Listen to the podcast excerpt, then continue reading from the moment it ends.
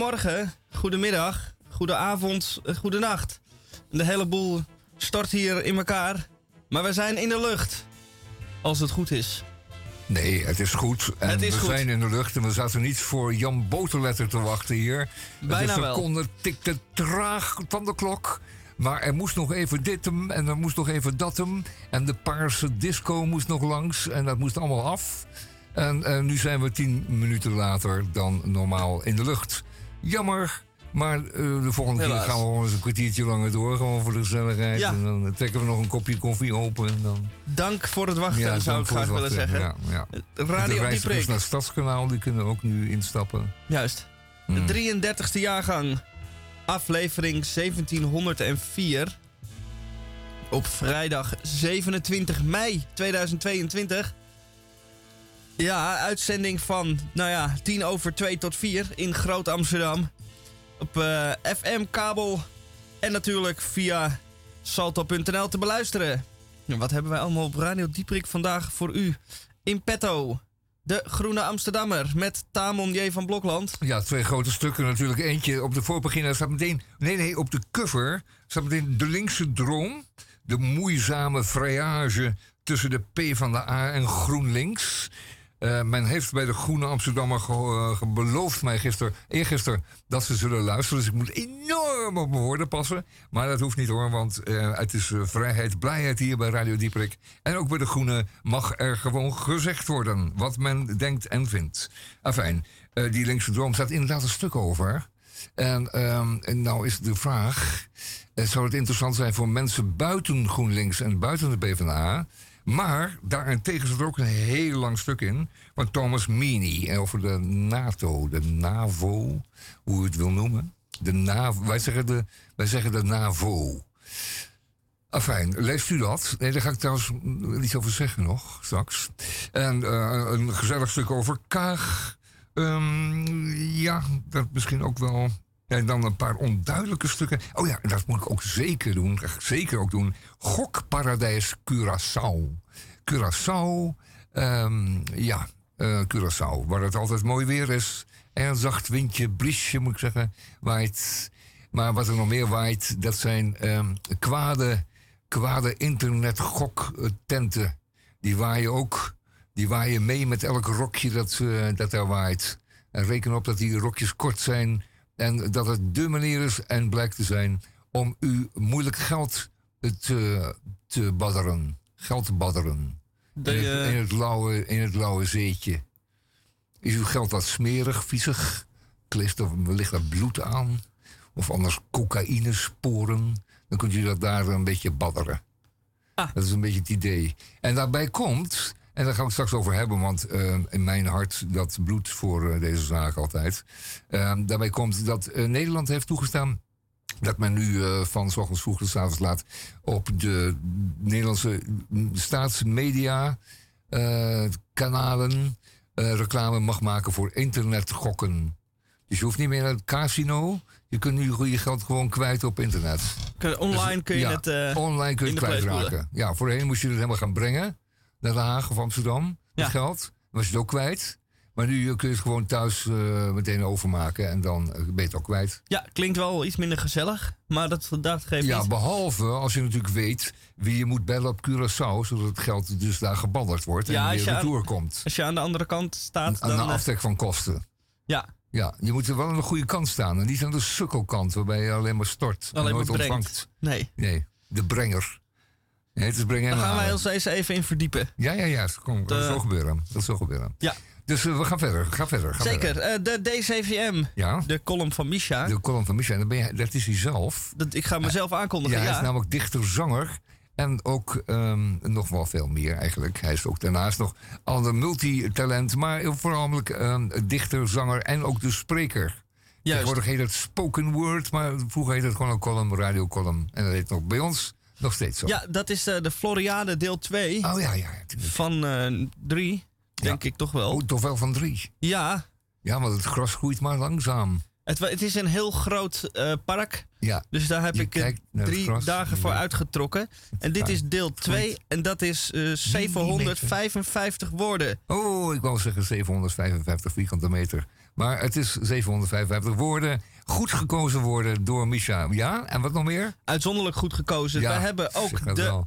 krompraat. Ja, Eh, twee woorden, één. Ja. één krompraat. belangrijk. En dan bij Radio Dieprik. Ja. Eerst maar even dit. Brussel was toen nog een bruisende stad. Brussel was toen, oh la la, en oorlijk. Brussel was toen nog een ruisende stad. Brussel en Brussel was vrij en vrolijk. Op de Broekerplaats was het vol en dol. Heren met strohoeden, zware knevels. Dames met sleepjurk en kamparasol. De paardentram schoof langs oude gevels op. Het tramdak zaten twee mensen blij te praten. Hij, mijn opa zaliger, zij, mijn oma zaliger. Hij was zat op een kantoortje. Hij dacht niet na, zij dacht aan niets. Dus wie verwacht van mij nog iets? Oh, Brussel was toen nog een zwierige stad. Brussel was toen, oh la la, en oorlijk. Brussel was toen nog een tierige stad. Brussel en Brussel was vrij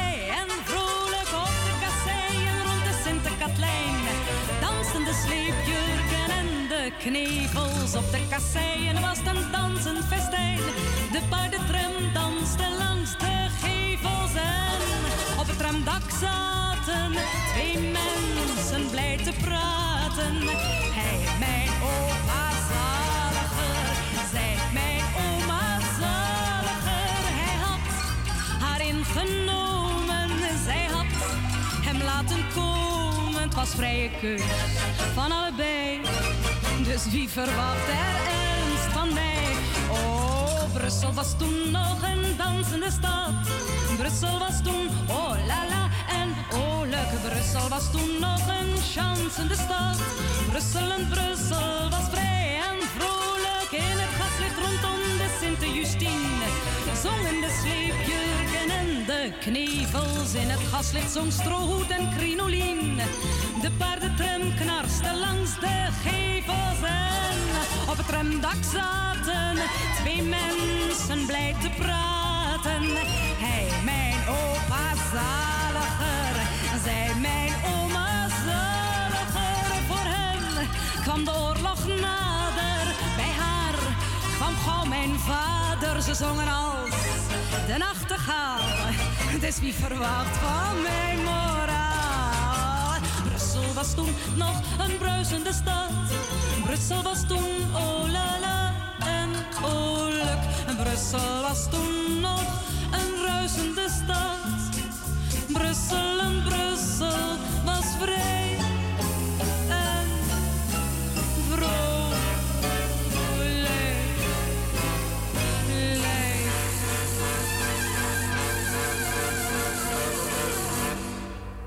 Brussel was een prachtige stad vroeger. En dit lied eh, Ja, maar per draag se- ik op ja, moet aan... eh, eh, wacht ja, even, dit nummer draag ik op Oh. aan eh, mijn liefde en inspiratiebron. Oh. De blonde stoot uit Lelystad, zeg ik. Heel Oh, dat is Geheimzinnig. Ja, dat zijn heel gezegd blonde stoten en Lelystad. Daar heb je er wel wat van. Maar die ene, die heb je gevangen in je netten. En wat aardig dat je dan eh, muziek voor haar draait. Dat doe ik ook graag voor de dames, want die vinden dat leuk en die vinden dat aandacht. eh, terecht. Maar om precies te zijn, ehm, voor hem kwam de oorlog nader en bij haar kwam snel haar vader. En de, wat we bedoelen is dat het een prachtige tijd is eh, voor de Eerste Wereldoorlog. Dat zijn de laatste jaren van de 19e eeuw geweest en de eerste van de 20e eeuw. En die waren nogal onbezorgd. Ah. En eh, daar wordt met, met heel veel nostalgie, nu ook weer in dit lied, maar ook eh, bijvoorbeeld door Stefan Zweig en, en, door anderen naar teruggekeken. En dat was een hele bijzondere tijd. En in die tijd, mensen, hadden we ook moeten wonen. Maar de mensen die daar toen in woonden, in die tijd, die zijn er niet meer. Die kun je ook niet meer vragen. Die kunnen het niet meer navertellen. Maar er is veel materiaal over en leest dat met plezier. Dat terzijde. Ik kijk hier naar een foto Ja. van eh, de leadzanger van het bandje The Rolling Stones. Oh ja, dat bandje, ja. Ja, en die zijn ik nog van vroeger. een hele tijd in Holland geweest. Holland, zoals ze het zelf eh, zouden zeggen. Eh, Holland. ze fietste hier gewoon wat rond. Ze vaarde door de grachten. Mick Jagger ging fietsen naar een molen in, in het Noord-Hollandse land. Denk je, wat- En daar liep hij ja, dan met zijn petje. Nou, kijk, hier zie je hem op zijn fiets. Kijk, nou toch eens. Met zijn petje. Als u daar ook was geweest, had u. Had u hem gewoon gezien op Ja. het hekje, een beetje zitten, een beetje Denkt u, eh, goh, wie is die roken. iets wat oudere dat meneer? meer, eh, maar- wie zou dat zijn? Nou, dat is hem dan. lijkt die man op, op Mick Jagger? Had je, Ja. had je je vriendin uit, uit Lelystad aangestoten en je zei, van, Ja. het lijkt die op Mick Jagger. Nou, ik zou zweren. Dat het hem was. Ja, het hem was. En ik zag ook nog een foto van de, van de gitarist op een eh, rondvaartboot Ja, in de Amsterdamse grachten. absoluut. Een zeer oude gitarist. En eh, die ken ik ook nog van die, van die Rolling Stones. Die ik heb ooit gezien heb in de Gallenbak, het eh, Arena Theater. En, ehm, Arena Theater. Ja. het Arena Theater in de Gallenbak. En, ehm, ehm, en die herken ik daar ook. En, en dacht ik, ja, stel hij vaart voorbij. Dat was zo'n soort sloep waar hij dan in zat. Eh, je kent wel zo'n zo'n eh, zo'n sloep waar dan die toeristen in gepropt worden. Ja. En die dan eh, slechte wijn wordt geserveerd. En daar zat hij in een beetje, keek een beetje, keek een beetje, nou, ik weet niet eigenlijk niet hoe hij Ja, keek. Hoe keek hij nou, eigenlijk? iets wat verveeld. Ja, maar ja, het is, een, ja. het is een foto, het is natuurlijk een moment. Maar op dit moment keek hij erg verveeld. Ja, Ja. dat vond ik nou ook een beetje. En toen dacht ik, ja, het is ook wel een saai kutritje zo. weer langs die... Hij had het al duizend keer gezien. En wie heeft hem zover gebracht dat hij in een sloepje dan ging kijken... in plaats van zo'n lekkere overdekte rondvaartboot. ja, dat weet ik niet. Met, met, eh, met centrale verwarming erin, in plaats van zo'n windelig sloepie. Ja, ik, je weet het niet. Ja, hij zal wel wat eh, spannendere dingen in zijn leven meegemaakt hebben. Nu zo'n doodsbootritje denk, langs kale geveltjes. Of de stille Nou, gevels. en, En- die vage geur van hondenstront en, en eh, dieselolie. En, Ja. ik, weet het niet. Ik twijfel. Dat zou je zo'n man toch niet of het wel goed gaat met de heren. En dan een Mick Jagger op een fiets. Wat voor fiets? Een huurfiets? Nee, dat is best een, eh, eh, was Oh. best een eh puikenfiets. Kunnen we dat eventjes na, nalopen nog? Want Eens ik, is het niet nou zo'n zo'n weer. rottige huurfiets van de MacBike? Of eh, het zwarte fietsenplan? Zo'n zo'n zo'n terugtrapper? Hij had inderdaad een zwarte Zwarte. helm op. Oh, nog een helmpje ook op. Ja, om dat, dat, doen, te beschermen. dat doen die toeristen altijd. Nou ja, zijn Die malle. Engelsen. Ja, dan komen ze in de fiets, en dan komen ze in de tramrail. En dan, en dan blijven ze doorgaan tot ze stilstaan en vallen dan heel langzaam om. Ja. Zodanig dat ze hun hersenen dan precies de stoeprand raken. Ja, Mick Jagger Dat krijgen wij nooit voor elkaar, maar dat is volledig in zij, het eh, zwart. Maar ik zie wel dat hij een hij zo'n eh, luxe elektrische fiets heeft. Van een, een niet nader te noemen merk. Oh, ik waarmee je voor. kan racen. Dus zo sportief is hij nou ook weer niet. Is het een elektrisch? Ja, kun je het zien? Dat zie ik vanaf hier. Ja, Ja, dat is dan, dat is dan, dat is hem, aange, dat is hem aangeraden natuurlijk door de directie van de verhuurinrichting. En eh, die zeiden van ja, maar het waait wel eens hoor, Mick. Hier, je hebt ook tegenwind.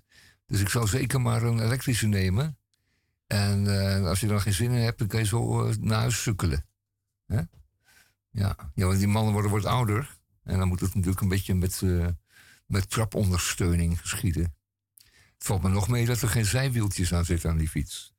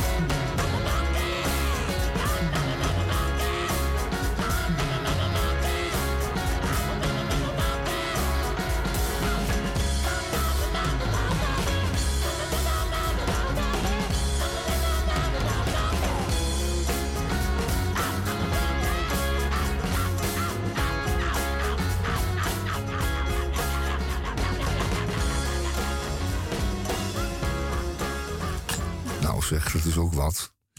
Ehm, dat die eh, Stones dan hier een beetje bijna, bijna incognito kunnen ronddarren. En, en dat ze dan dus geen, eh, geen slierten met krijzende meiden weer zo achter zich hebben. Dan moet je toch ook wel eh, een beetje lullig voelen als Mick Jagger. Dat je er gewoon op een fietsje kan stappen en een beetje naar molentjes kan kijken zo in Waterland. Ja. waar was dit? Ik denk dat hij zo'n rondje gemaakt heeft. Zo, Ja, Waterland en die kant op. ja, is een beetje Noord- om de Noord gegaan. Op tijd weer thuis voor de borrel. En, ehm, maar dat hij dan, hè, dat je dan zonder, eh, hoe heet het, eh, hoe heet zoiets? Live, eh, beschermer, hoe heet dat? Beveiliger? Ja, Ja, beveiliger. die Dat- heeft hij niet dat nodig. doen. Nee, dat niet nodig, nee. Nee, Dat Gewoon, dat kan Nee, maar, lekker, lekker als een gangetje gaan. die meisjes die rennen natuurlijk niet meer achter Mick Jagger aan. Nee, De mensen die nog eventueel achter hem aan willen rennen, die, zijn ook al wat ouder. die moeten ook op een elektrisch fietsje gaan zitten. Anders kunnen ze, ja, Ja, of in zo'n in zo'n driewielertje. Zo'n zo'n driewielig blauw ja. eh, eh, ondersteunend voertuigje. ja. Maar daar hoeft, heeft hij niks van te vrezen natuurlijk. Nee, Verder. die kunnen hem natuurlijk weer niet bijhouden. Dus ik denk dat het daarom ook niet meer is. Ze kunnen elkaar niet meer bijhouden. Zeker als, eh, zeker als hij met, die, met die fietsen vandoor gaat. Nou, dan, dan kunnen ze die fans hem niet meer bijhouden natuurlijk. Met een rollator. Ik kan wel zo hard willen, maar dat gaat niet meer. Ja, ze zijn overigens eh, Hm. door het eh, muziekblad Rolling Stone uitgeroepen tot het, de vierde beste band Ever? ever. Dan ben ik rete benieuwd wie er op 1, 2 en 3 staan. Ja, En dat Ik skip er even snel doorheen. Niet over na te denken. Het zijn ongetwijfeld de Beatles. op hond- nummer 100 staat Talking Heads. Ja. Maar dat, daar vroegen we niet om. Nee. We skippen even snel er doorheen. Ja, ja. Ah, Ehm, bands, hè? Ja. ja, of artiesten. Eigenlijk Oh, artiesten. en bands. Oké. Allebei. De Ja. Kings staan op 65. Ja. Valt Clapton zie ik voorbij schieten. Ja, dat eh, gaat even duren nog. En dan Cream op één of twee? Nee, die heb ik ook al voorbij zien komen. Oh, die staat ook ergens Ergens. in de middenmotor. Ja, Johnny Cash op 31. Ach, dat wordt dan weer beter. Ja, En dan gaan we er allemaal wat draaien van aan. Om, om het, zeker van die, eh, van die jongens van een beetje rond de 50 eh, eh, scharrelen. Die, Ja, daar hier. gaan we wat van draaien. De top 10. Ja, top 10. Let op. Op 10 Ray Charles. Ja, Ja, op 9 Aretha Franklin. natuurlijk. 8 Lil Richard. Ach, toch, ja. En dan op 7 Mooi. James Brown. Oeh. Op 6 Jimi Hendrix. Mm. 5 Chuck Berry. Dan dus op 4 de Rolling Stones. Ja, ja, ja. En dan. Op 3 Elvis Presley. Elvis, Op 2 ja. Bob Dylan. Bob. En op 1 Eén. Eén. even kijken Arie Ribbons. Oh, dat is... eh, nee, de Beatles. Ja, dat had ik al echt wel gedacht. Want ehm, die zijn natuurlijk on- onovertroffen. En dat komt omdat het gek genoeg de liedjes die zij ooit maakten. eh, nog steeds in je hoofd. En, en ik, ik zie mensen ze nog steeds woordelijk meezingen. Dus ik denk dan, ja, het kan ook niet anders dan ze op één staan. Maar wat aardig is, is dat juist zoveel zwarte artiesten in de, in de tip, top 10 staan. En, rock, en, echte, en echte rockers. Ik bedoel, eh, dat we wel wezen. Ja. Rock and roll. Ja, goed, en dan, dan moeten die Stones dan maar op vier, hè? Vier, zei je? Ja, Ja, dat is toch hartstikke... ja maar goed, eh Elvis vind staat nog, vind ik nog hogerder. hoog. Ja. Hogerder, ja. Ja, gelukkig. Ehm, zullen we meteen even die Groene Amsterdammer doen? Of Doe maar. Is het nog, we eerst nog wat muziek? Ja, nee, eerst de muziek. Eerste muziekje. Ja, want we zijn nu over muziek. En Bob. Goh, nou, fantastisch. Ongelooflijk, hè? Ongelooflijk. Oké, Bob. Bob. Ja, doe maar. Ja, dan... eh, Ja. Ja, het is spannend. Oh, wat zullen we doen? Wat zullen we doen? Ehm, nee, dat, die groene komt straks. Eerst nog wat muziek. Ja, ik had die jongens van de groene beloofd dat ik het om precies kwart over twee zou doen. Maar ja, daar waren we door de omstandigheden anders buiten ons hmm. eh, verlaat. Dus die kwart over twee is nooit gelukt. En dan, dan wordt het half drie. Dus ja.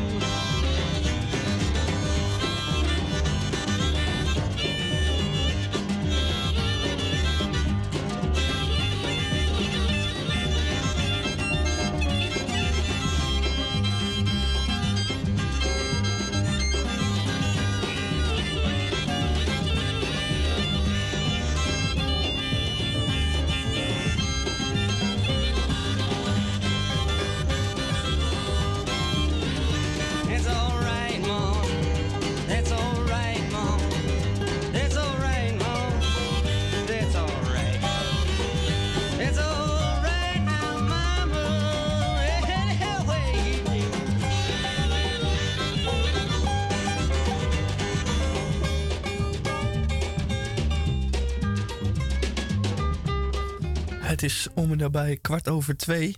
Ondertussen al bijna half drie, maar dat Ja. maakt niks uit. Om en nabij. Dus het wordt eh ruimschoots de tijd voor opvatting van de Tamon J. van Ja. Blokland. En de Groene. Amsterdammer. Ja, en de Groene Amsterdammer deze week is eh, gekleurd, rood-groen gekleurd. En waarom het nou is, eh, dat zal ik u vertellen. Ehm, twee partijen. GroenLinks in Nederland. Dat merkwaardige samenraadsel van progressiviteit en ouderwets.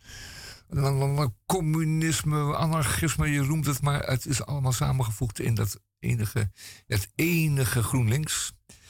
En, eh, samen met de grote sociaal-democratische partij, de PvdA, die al eh, sinds jaren en dag, nou ja, het is eh, weet ik veel, 48, eh, in Nederland bestaat als grote sociaal-democratische partij voor de mensen die, voor de arbeider en voor de mensen die progressief, die links waren, maar progressief, maar socialistisch ook weer niet echt, maar in ieder geval democratisch, ja, dat per se, en die een opstapje behoefden. Dat was de partij ten voeten uit. Zo was bedoeld.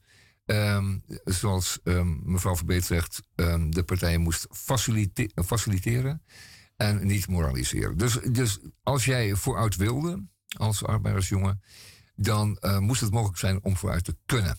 En dat afgezien van eh klasse, status, kapitaal, vermogen enzovoort, zoals nu veel meer wordt gedicteerd, was dat de PvdA die dat altijd, eh, laten we zeggen, mogelijk maakte. Of die ervoor zorgde, of die dat daar streeft om dat mogelijk te maken. Eh, GroenLinks daarentegen is van veel jonger datum. Dat samenraapsel van linksigheid.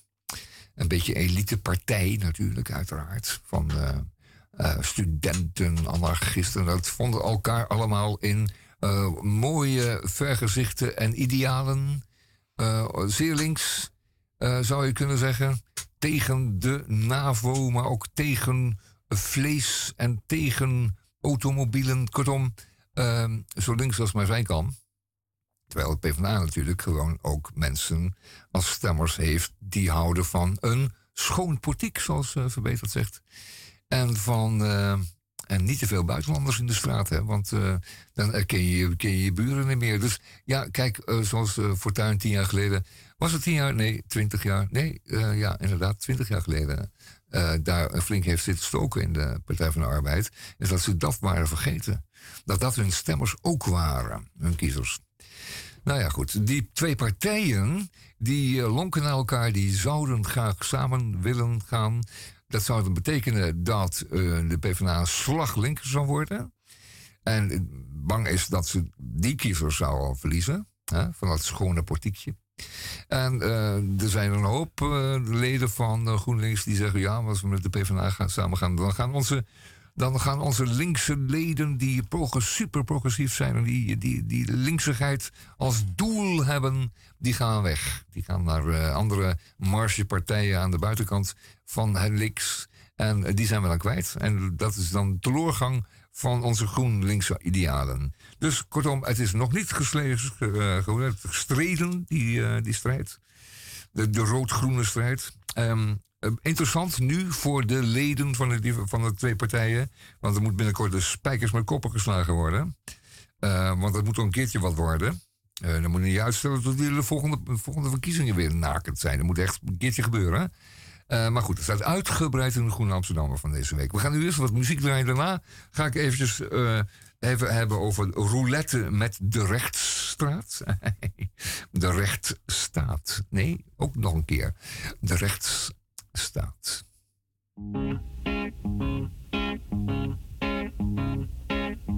What a day for a daydream. What a day for a daydreaming boy. And I'm lost in a daydream. Dreaming about my bundle of joy. And even if time ain't really on my side. It's one of those days for taking a walk outside. I'm blowing the day to take a walk in the sun and follow my face on somebody's new mode lawn. I've been having a sweet dream. I've been dreaming since I woke up today. It starred me in my sweet dream.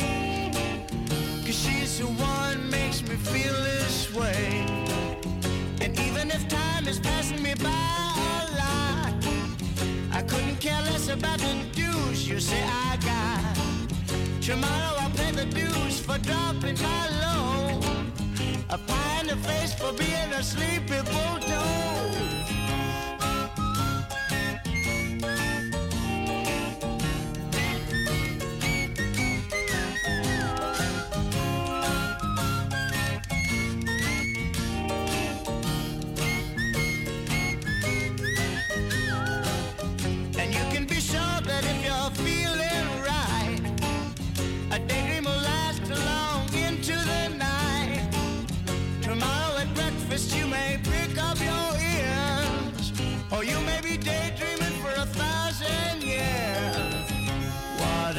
For a daydream, custom made for a daydreaming boy. I'm lost in a daydream dreaming about my bundle of joy.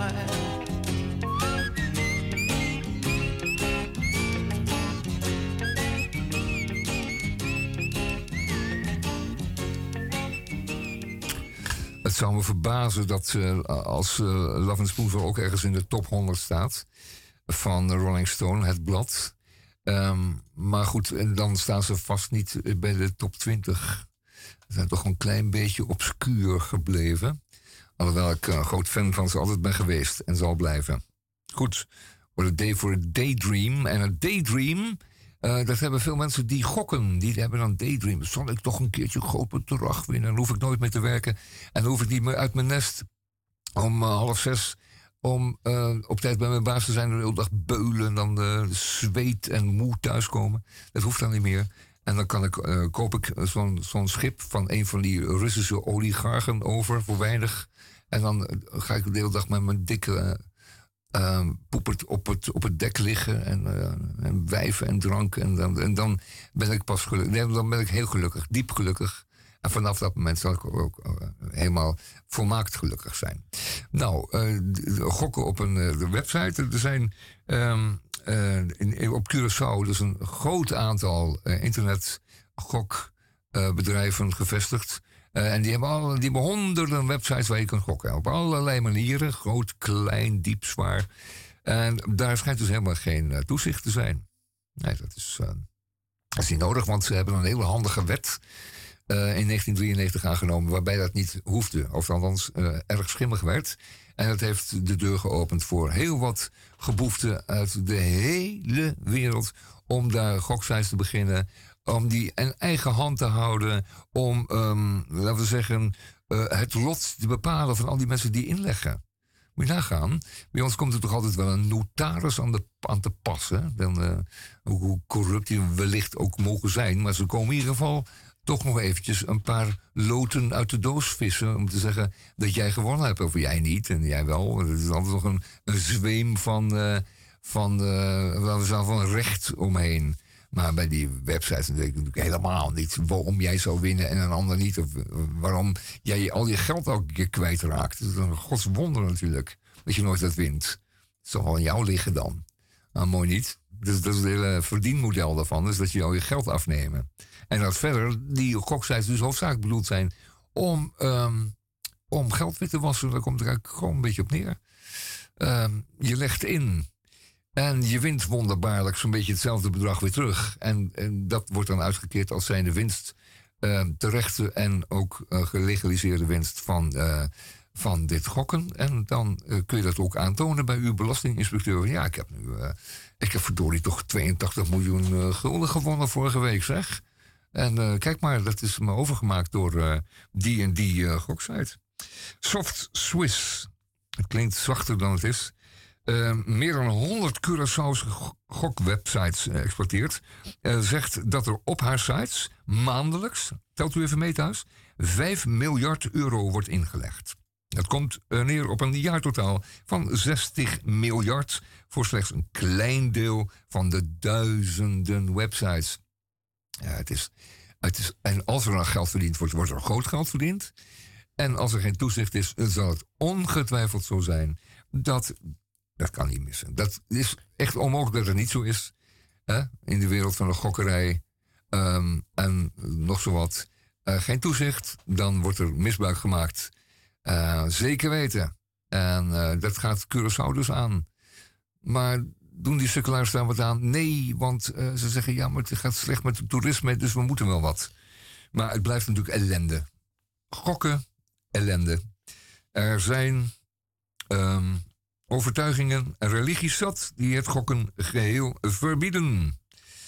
En uh, dan moet u zich maar eens in verdiepen. Goed, uh, we hadden het over de PvdA en GroenLinks. Dat gaat er misschien een keer gebeuren. Nou, misschien ook niet. Een uh, zoet verhaal over ehm, Sigrid Kaag. Van de hand van Maya Pruis. Maya Pruis is natuurlijk een groen, een Amsterdammer. En um, nou, lees u dat in de Groen Amsterdammer. Het is een mooi verhaal. dan een aardig verhaal. Echt leuk en fijn. En hartstikke pessimistisch over de Rijn. Godsamme, lees je over de prachtige rivier. En ik weet hoe schoon het is, het water bij Basel. Daar is het water van de Rijn schoon. Er is er nog geen fabriek langs geweest. En je kunt er echt gemeente, of op gemeentelijke wijze kun je daarin zwemmen. En dan word je meegevoerd en dan loop je terug en dan zwem je weer een stuk mee. Man, dat is toch voortreffelijk.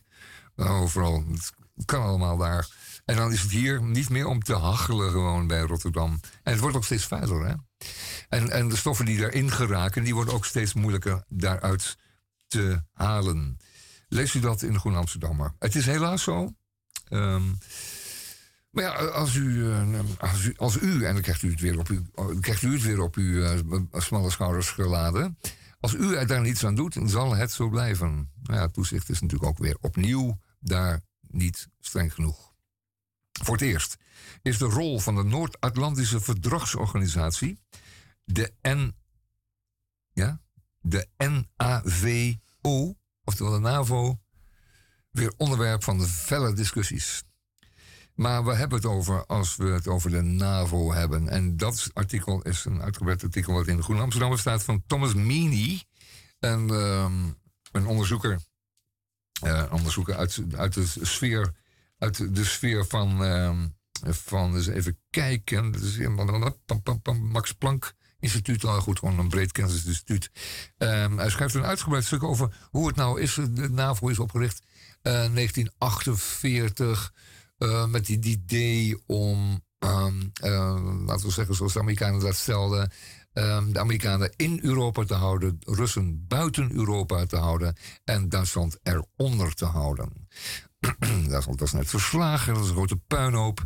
Uh, Frankrijk en Duitsland hadden elkaar al een menig keer in de haren gezeten. Engeland was ook zwaar gehavend uit die Tweede Wereldoorlog gekomen. En het was zeer nodig om onder de paraplu van de Amerikanen in ieder geval de vrede te handhaven voor enige jaren. En um, om, laten we zeggen, Europa er op die manier ook weer bovenop te helpen. Om weer tijd te maken uh, voor de Europese landen om zich te herstellen. Om hun uh, sociale instituten weer op te richten. En om, uh, laten we zeggen, voorspoor, voorspoed, Amerikaanse voorspoed te kiezen. koelkast en Chevrolet voorspoed. En om, voornamelijk ook om de kwaadaardige Russen, want die bleken meteen kwaadaardig te zijn. Hoeveel moeite hadden we niet om de Russen uit Oostenrijk te krijgen? Verdomme. Ging ze ook maar moeizaam uit, uit de Wenen. Enfin, ze liggen nu uh, achter uh, Belarus en achter Oekraïne weg. Maar ook daar, maar ook daar. U weet allemaal wat er aan de hand is in Oekraïne. Um, in de jaren tussen uh, 1948 en nu heeft, heeft, de NAVO natuurlijk allerlei meegemaakt. Een uitgebreid stuk in de Groene Amsterdammer. Ik zal het zeker lezen. Ik ga dat alleen naar verwijzen. Er is natuurlijk heel veel gebeurd. Frankrijk is er half uit en half in geweest. U weet hoe het gegaan is. Misschien hoe het met Italië toen ging. Italië was zeer links, om niet te zeggen zeer communist-freundlich. En hebben zich jarenlang verzet tegen deelname van Italië aan de NAVO, maar zit er nu dik en vet in. Uh, wat denkt u van de, de, Grieken, de Turken, allemaal toegetreden door de NAVO en ook een aantal uh, voormalige Sovjet-satellieten, ook allemaal nu lid van de NAVO. En uh, zouden dan met z'n allen moeten eh, streven naar democratie, voorspoed, uh, een progressief standpunt innemen ten aanzien van de toekomst van de wereld. En, dus werkt het misschien wel zo. Misschien werkt het toch wel zo. Misschien werkt het toch wel zo. En dat veiligheid, die toch altijd, dat toch altijd op de achtergrond meespeelt, toch een vorm van samenhorigheid veroorzaakt of genereert. Die crucialis wil je je kunnen ontwikkelen. Want je doet dat niet vanuit een onveilig gevoel. Zal ik het er straks nog over hebben? Ik zie uh, Michel al een beetje ongeduldig kijken van gaat hij nog lang door? Het staat natuurlijk uitgebreid in de groene en hoef je niet alles te herhalen. Maar uh, het is wel belangrijk dat er over nagedacht wordt. En we zijn nu uh, eigenlijk een beetje verenigd in Europa. Andere idealen ten spijt. Onder de paraplu van de NAVO. ja, toch? Dat is wel een beetje zo.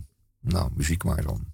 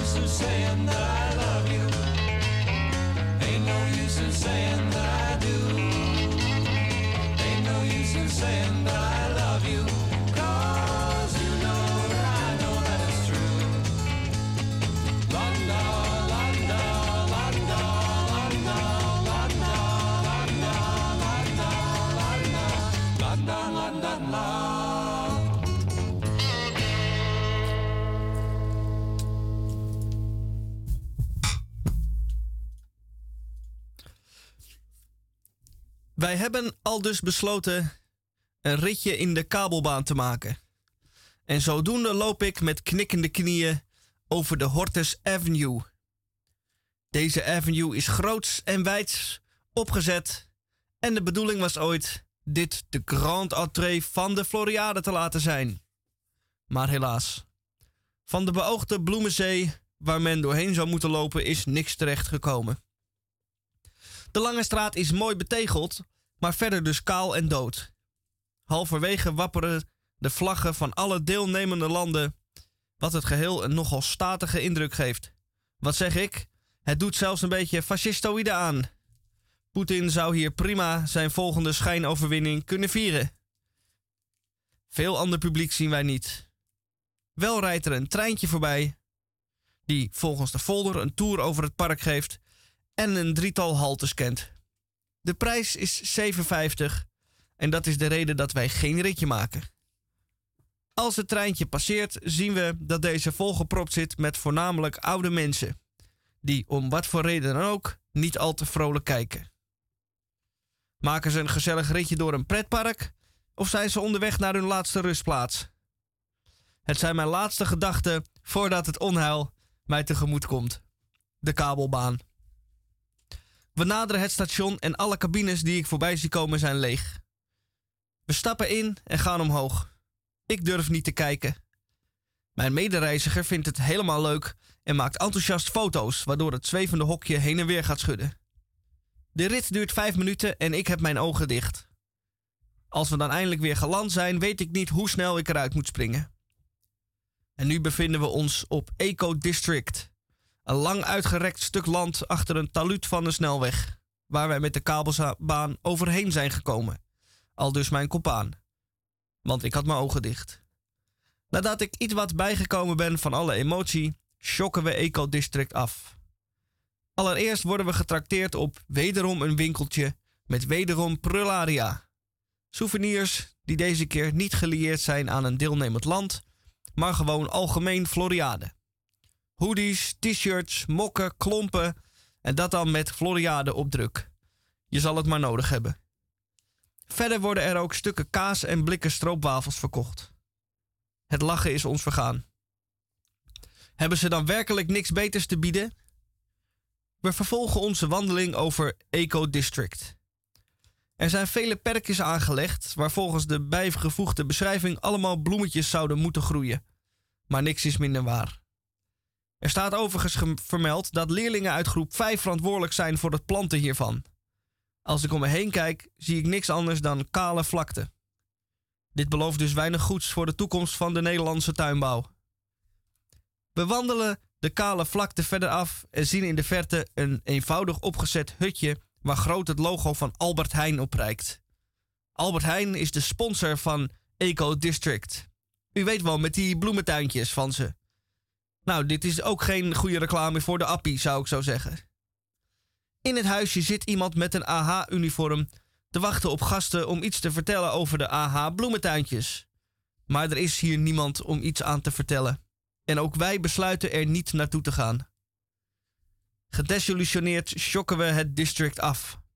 Mensen zijn hier niet. Een eenzame sproeier sproeit tevergeefs zijn water op de kale vlakte.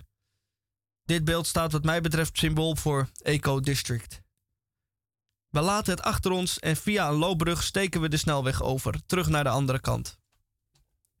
We zien in de verte een pleintje waar een terras staat uitgesteld. Eveneens staan er karretjes met vermoedelijk etenswaren. En dat treft, want wij lusten wel een hapje. Als we dan dichterbij komen, zien we dat ze allemaal gesloten zijn. Helaas. We werden even op het verkeerde been gezet door een aantal mensen die op het terras zaten. Die, zo zie ik nu, maar wat doelloos voor zich uitstaren. Waarschijnlijk totaal murf geslagen door alle teleurstellingen. Dan herinner ik mij het Duitse paviljoen, waar men ook kan eten en drinken.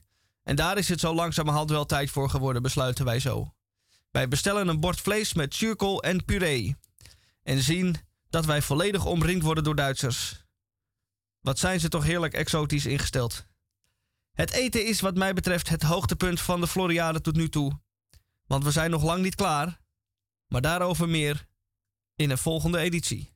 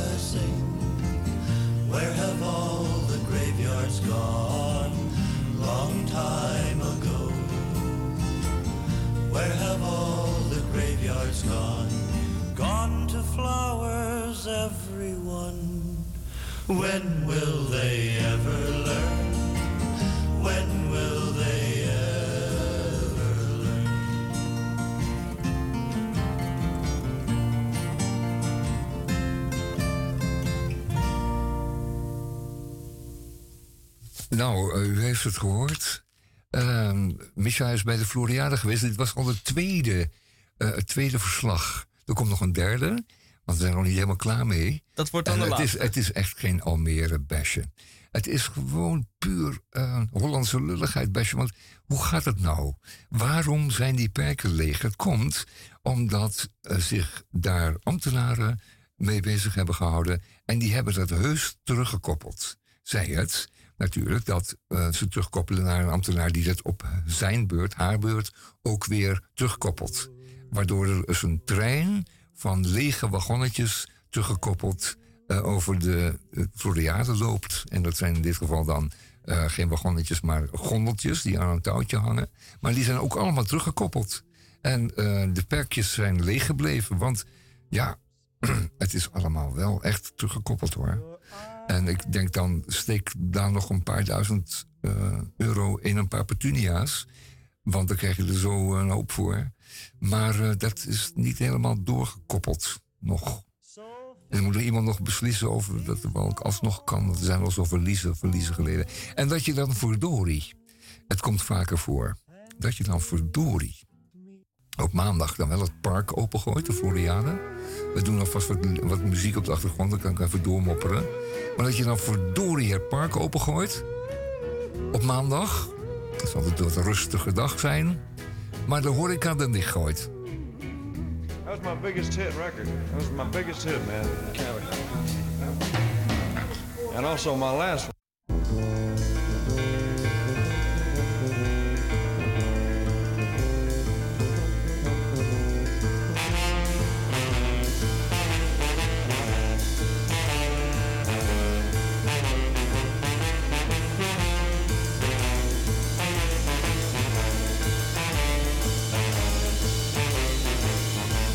Goedemorgen, goedemiddag, goedenavond, goedenacht. En dat is volledig afhankelijk van daar, waar en wanneer u naar ons luistert.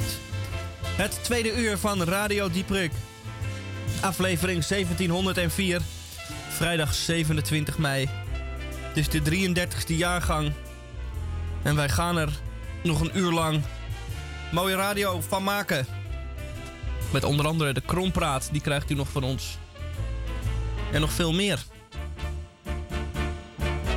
Maar bij Radio Dieperik. Eerst maar even dit.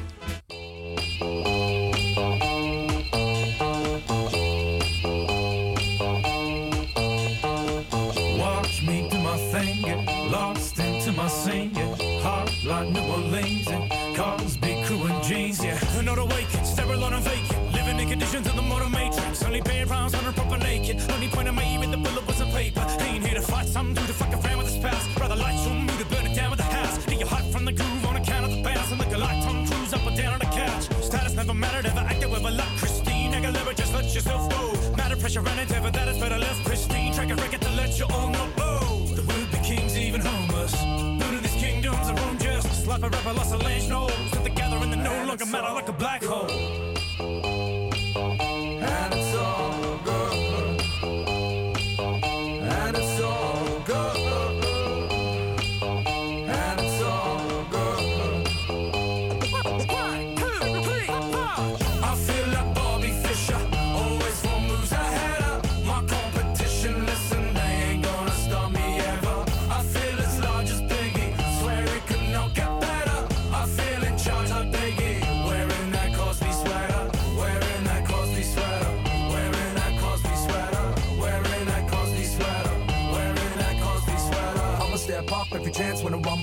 Call me champ, but the jungle is fitting. I'ma get drunk and dance like your uncle till I move hands like your uncle. I'm kidding. The venomous and venom when I enter, then it's over. When I'm spitting venom, I'm as generous as Oprah. You get a scar, you get a scar, you get a scar. Me drunk in the back of a rental car. Pat Benatar, blood loves a battlefield. Here to get you where you see like a battle drill. I'm in the saddle still, a little saddle sore. Smash you out the stratosphere, flashy as a matador. When I'm just like Theo's dad, in a Gucci, listening to Gucci rap. I won't beat around the bush like a 70s porn. I make you wish that you never been born, and it's all good. Bye.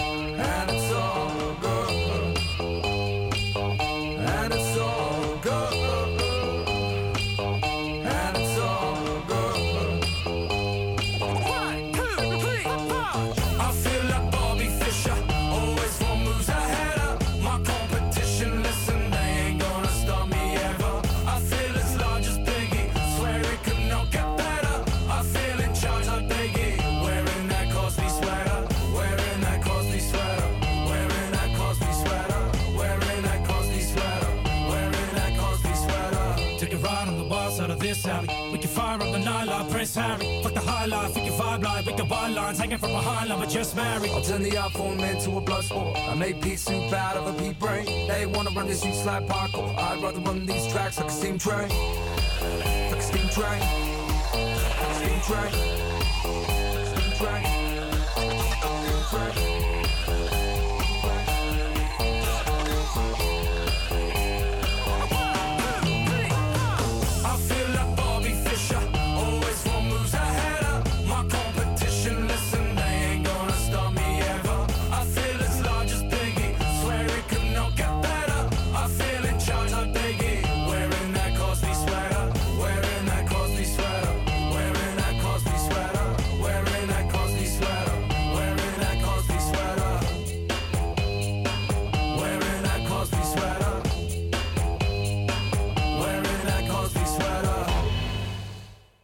Het is het weekend van de rollende keukens.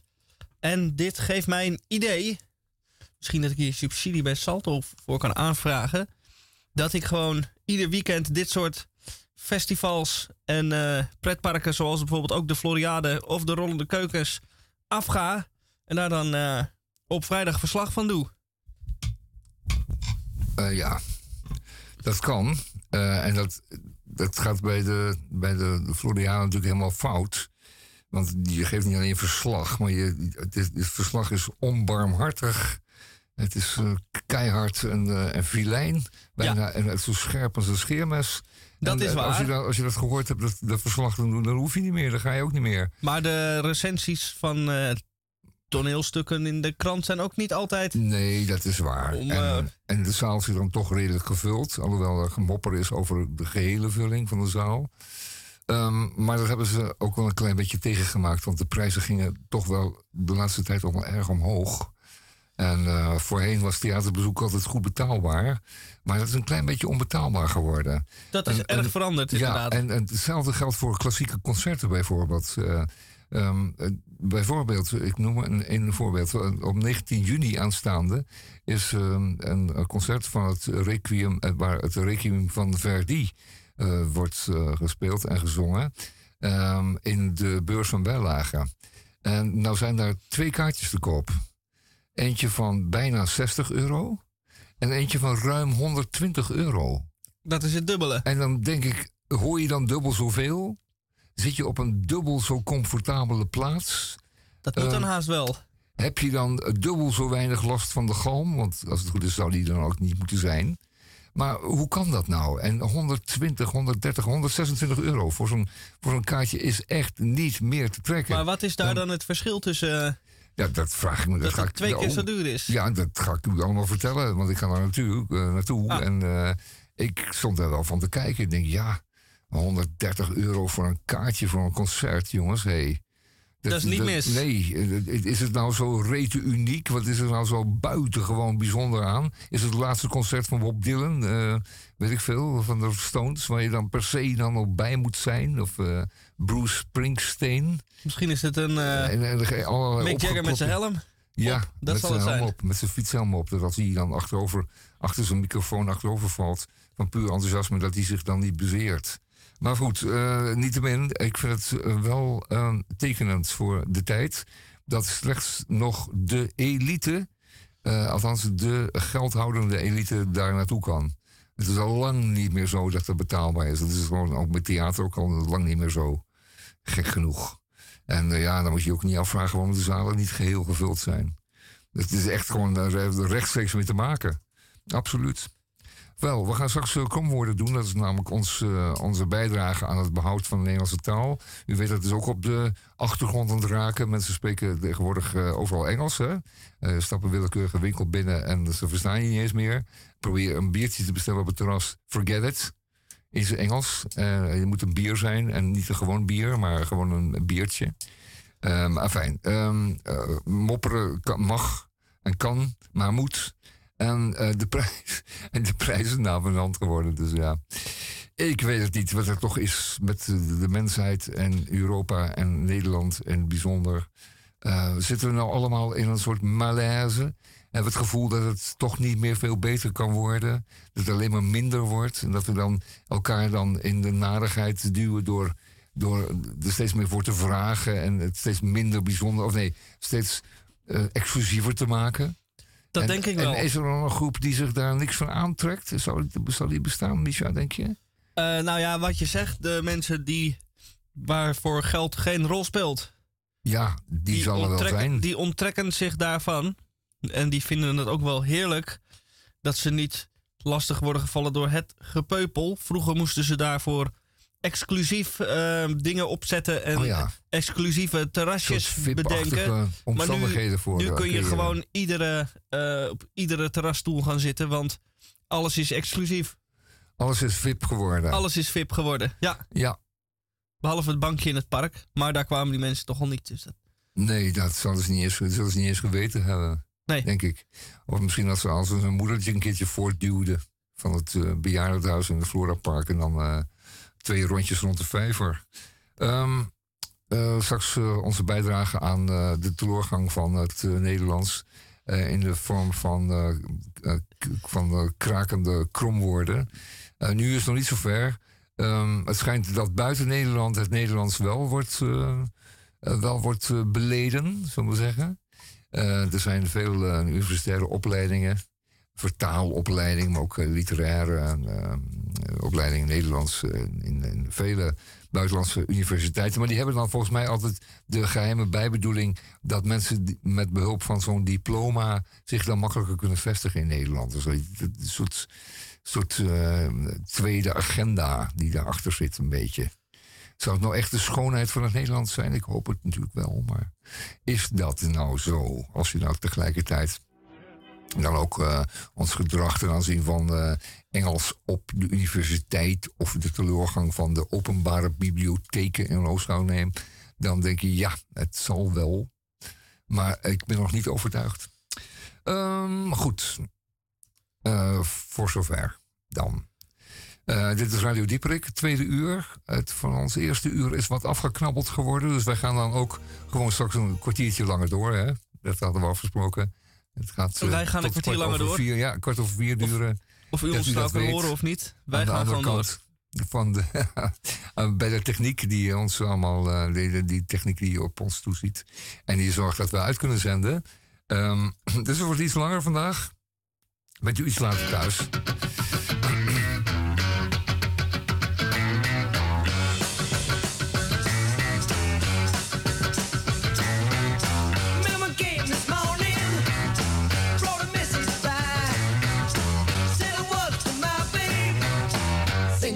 is why.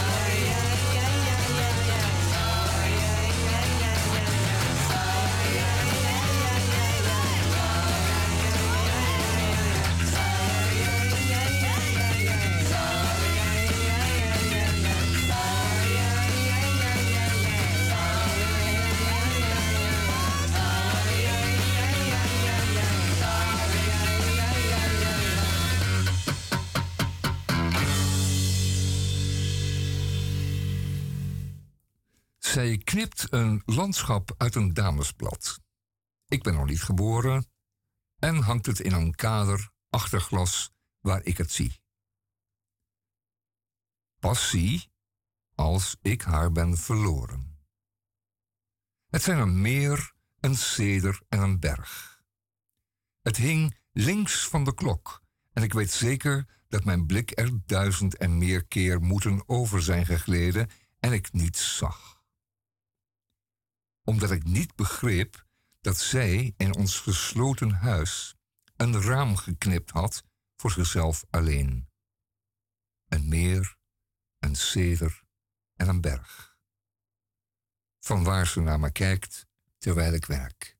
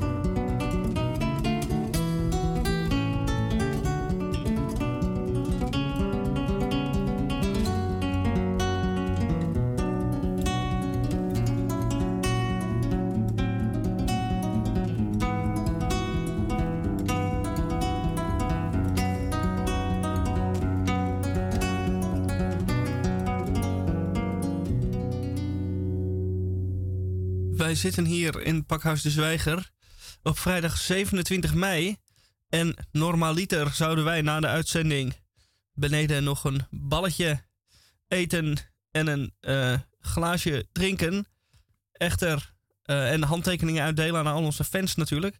Maar u hoeft niet te komen vandaag, want het etablissement is dicht. En dat eh, doet toch onze wenkbrauwen fronsen. Want is het nou een speciaal weekend? Het was gisteren Hemelvaartsdag. Maar vandaag is het toch gewoon een reguliere vrijdag. Maar ja, het komt een beetje ambtenarig over.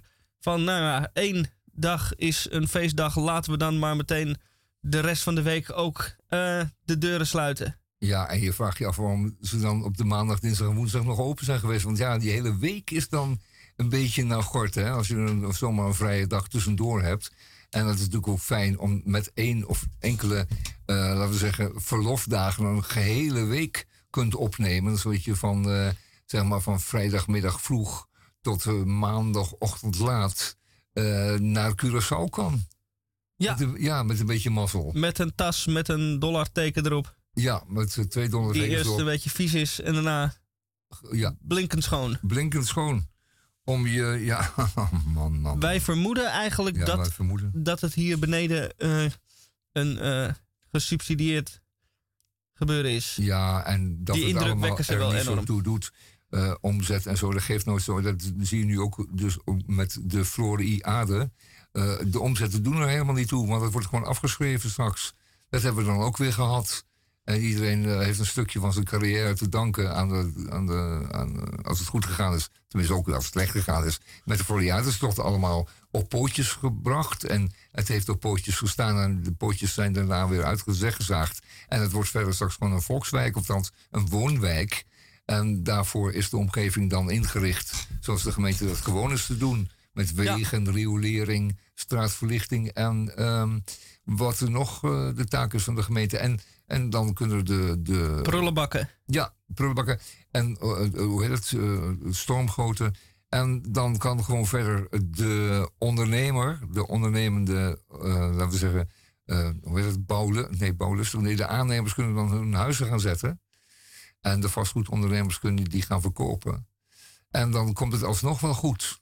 Hè? Want Met Almere. die- Ja. ja. En, dat die Floriade is men dan al lang weer En dat er vergeten. dan nu helemaal geen petunia te vinden is. Ja, dat doet er dan echt niet zo gek veel toe. Dat geeft allemaal niks. Nee, natuurlijk mogen de burgers van eh, Almere straks wel enige verhogingen van de gemeentelijke belastingen tegemoet zien. Want het moet, ja, er toch wel een klein beetje betaald worden allemaal. Tenminste, op den duur. Ja, dat is natuurlijk hoe de de, rente op de, van de geleende gelden moeten worden afgedragen. dat is hoe de, eh, het gemeentelijke er aan toe gaat. Het is natuurlijk op papier en de maquette en eh, de jaarafschriften. En dat je het natuurlijk achter je naam kan zetten. Floriade. Van, Ik heb er ook aan meegewerkt. En dat, dat, dat Ja. het hele evenement aan zich, dat is eigenlijk niet, dat hoeft helemaal niet. Het moet gewoon eh, in de bestuurskamers georganiseerd worden. Dat is het belangrijkste. Ja, ik denk dat als je, als je een concept, een beleidsconcept of een concept levert voor, voor de Floriade aan zich, dat je dan al voldoende, eh, laten we zeggen, hebt bewerkstelligd. En dat het ook eh, voor je cv dan, eh, om een succes te laten worden. Dan doet het er verder niet meer zo toe hoe die uitvoering is. Want dan kun je altijd heel makkelijk gemeentelijke diensten kun je de schuld van geven. Oh, die, die petunia's, dat heb ik allemaal teruggekoppeld, maar die zijn er nooit gekomen. En ja, dat is eigenlijk, ah, ja die, man, die, die man die werkt hier al lang niet meer. Die hebben we toen een beetje laten gaan, want ja, die kreeg niet eens petunia's in dat veld. En, eh, en die geraniums, ja, die waren gestekt, maar die liepen niet en die, het ging niet. En eh, er was allemaal problemen mee. En het arboretum, ja, dat bestond uit eh, enige honderden bomen die inderdaad, inderdaad eh, nog maar polsdun waren toen we ze neerzetten. Dus eh, het was moeilijk te ontdekken wat nou de ene boom onderscheidde van de andere tak in de grond. Ja. Dat kun je namelijk van hele jonge bomen helemaal niet zien. Wat voor boom het is. Die hebben nauwelijks bast en nauwelijks bladeren. Dus ja. Dat moet nog maar blijken. Ja, dat kunnen allemaal wel wilgetakken zijn. Eh, je weet het niet. Maar over een jaar of dertig, als daar ehm, de elite van Almere woont, dan eh, zullen de bomen volwassen zijn. En dan eh, kunnen we alsnog glorie, halleluja zingen. Over de Floriade die ooit was. De enige Floriade die, en dat weten er niet veel mensen, maar de enige Floriade die ooit een patiënt heeft opgebracht, was die in Amsterdam. En waarom was het nou? Dat weet geen mens, maar het was gewoon zo. Het is de enige die ooit cent heeft opgebracht. Die in ieder geval niets gekost heeft aan de Amsterdammer. En dat is eigenlijk wel mooi, want we hebben dat prachtige Amstelpark aan te danken. Wat nog steeds een grote vreugde is. Dat moet gezegd, absoluut. Hey, en hoe vonden jullie dat nummer van de Easy Beats? Wat vonden we daarvan? Tweede hit, sorry. Ze- zeer de moeite waard. Nou zeg, hey, dat gitaartje lekker.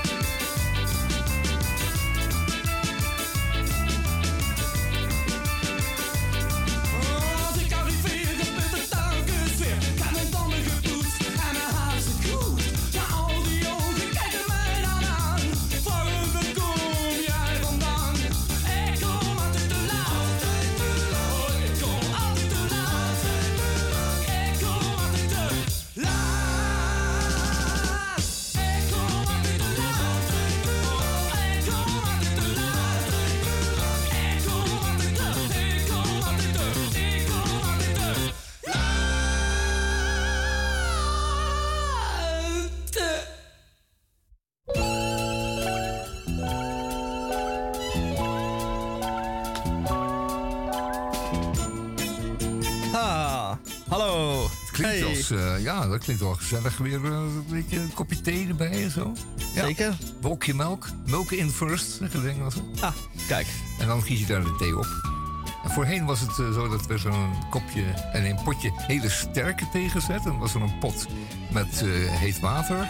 Dan gooide je dan eerst een wolkje melk in, dan de sterke thee.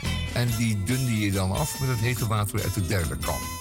Ah. Zo dronk men thee. Een hele cocktail. Nou ja, dan had je iets op je eigen sterkte en naar eigen smaak. Oh ja. Ja. Mooi. Goed. Ehm krompraat. Ja. Twee woorden, één in. Krompraat. Ja, je weet het niet, hè, wat, wat de voor- en de achterkant is. Ik zal ik eh, beginnen. Ja, Ja, wat? Er zijn nog auto's uit de 70 jaren, wist je ook niet dat het de voor- en achterkant was. Messerschmitt. nou nee, dat denk ik niet aan. Ik denk hier aan de Opel Cadet. Oh. Die zag er echt van voren net zo uit als achter. Ja? Ja, Oké. ja, dat kon je echt niet zien. Dan ga ik... eh, eh, Nou, echt een bril opzetten. Oh ja, nee, die voorkant. Messerschmitt had een, eh, de deur aan de voorkant. Ja, dat kon je heel duidelijk zien. En dat was, Als eh, hij naar je toe kwam, was dat de voorkant. was niet heel handig. En Als die achterkant liep een beetje, een beetje tapstoel. Dus Ja. dan- ja. Goed. Het eerste Ja. krompraatwoord wat ik ga behandelen ja. is beslagboom. Oh ja, slagboom. Klinkt goed. Wat is een beslagboom? Dat is, dat zal ik u eens even goed uitleggen. Het is een, eigenlijk een fenomeen. Dat noemt men dan iets, als er zoiets gebeurt, noemt men dat een beslagboompje. Dat is namelijk de kennis die kinderen eh, eh, niet opdoen over de natuur en hoe de natuur als zodanig in zijn werk gaat. Als er dan appeltaart wordt gebakken, dan heb je daar eerst beslag voor nodig. Of een andere taart of cake, eh, dan maak je beslag. En dan vraagt zo'n kind, waar komt dat beslag vandaan? Want dat kind heeft geen flauw benul van bloem en suiker en wat gaat er allemaal in. Dus die denkt dan dat zo'n beslag eh, prutje, dat dat gewoon aan de boom groeit. Want weet die veel? Chocolademelk komt uit een bruine koe. En appeltaart groeit aan de boom. En verder kijken ze hun niet eh, hoe lang hun neus is. Hoe zegt u dat? Eh, verder, ja, ze weten het verder ook niet. En dat is ook niet belangrijk. Want daar leer je, heb je niks aan als je in de IT gaat werken. Kan jou het schelen waar de appeltaart vandaan komt. Dus die hangt dan aan een boom, denk jij. En dat is dan een beslagboompje. Dat je in werkelijkheid, oh, is eh, een watermeloen ook een vrucht? Dat wist ik niet. Ik dacht dat ze zo uit de fabriek kwamen. Dat is een typisch gevalletje van een beslagboom. De onnozelheid, de onkunde, nee, de gebrek aan kennis over mens en milieu en natuur. Dat is de beslagboom. Aha. Nou, dat weten we dan ook weer, zeg. Hey. Ja. Man, wat hebben we toch een mooie rijke taal, hè? Zeker. Ja, ja, ja. Oké, nou, als het goed is, dan eh, kunnen we met onze taal heel eh, alles wat we willen zeggen en eh, bedenken en opschrijven en formuleren. En alle begrippen samen zouden moeten leiden tot het grote mondiale begrip dat we voor elkaar zouden moeten hebben. In die geest eh, zou ik zeggen, is mijn woord een beetje. Mijn woord luidt namelijk kanonnenklooster. Ik denk, hoe komt die daar nou bij? Kanonnenklooster. Nou, nonnenklooster is toch wezenlijk wat anders dan een kanon? Nou, dat blijkt dus allemaal wel met elkaar samen te hangen. Volgende namelijk. Ehm, er is een, ehm, een groeiende behoefte aan kanonnen. En eh, dat is plaatselijk. En heel plaatselijk zelfs. En het blijkt nu dat die kanonnen, die zijn in voldoende mate ruim aanwezig. Maar die bevinden zich in kloosters. Die zijn opgeslagen in eh, gebouwen. Die staan dan vol met kanonnen.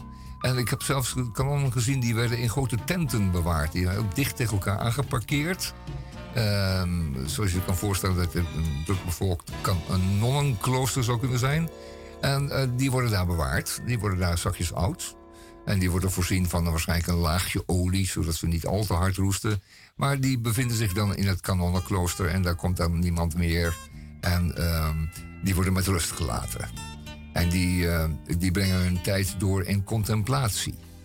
Zoals nonnen ook doen. Eh, maar op een dag is er toch weer behoefte aan eh, kanonnen. En dan worden ze naar buiten gereden. Wie moet er nog kanonnen? En er schijnt, wat ik al zei, een enorme behoefte te zijn, plaatselijk. Eh, niet overal op de aarde, maar dan toch op een hele specifieke plaats. Namelijk in het, eh, het oosten van, Kroatië, van, van de Oekraïne op dit moment.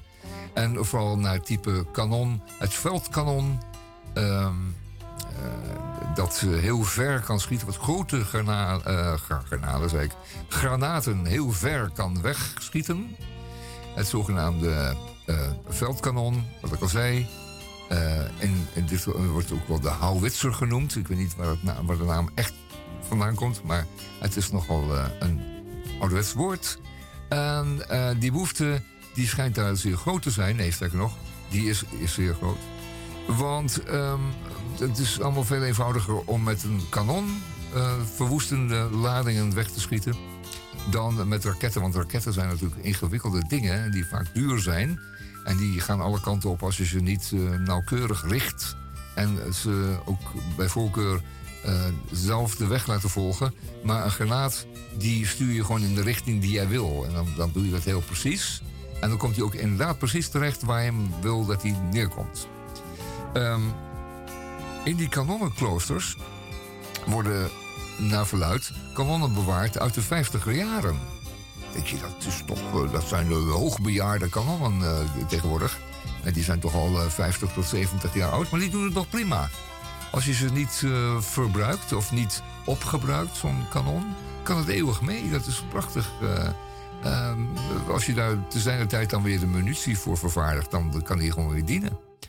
En eh, heel veel meer dan een loop en een afvuur, een afsluitinrichting is het ook niet. Eh, je moet hem een beetje kunnen, kunnen richten, wat je zegt, hè. Met, eh, met wat wieletjes aan, aan beide kanten, naar boven en naar beneden en opzij.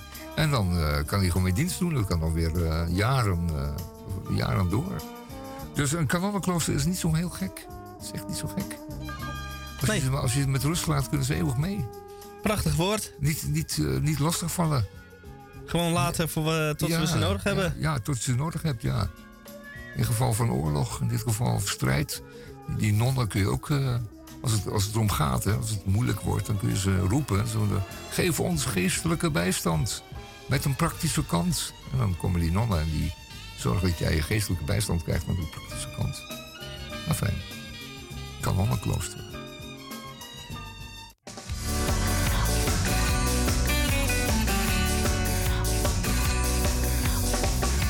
Jij bent al lang niet meer hetzelfde meisje. Dat altijd mee zo mooi, hetzelfde wijsje. Ah. Wat waren wij nog jong, toen jij die woorden zong. Oh, over rozen. Rozen. Ik voel me nu nog steeds dezelfde schooier. Maar de jaren maakten jou alleen maar mooier. Mhm. Toch ging het leven niet tot wanhoop en verdriet.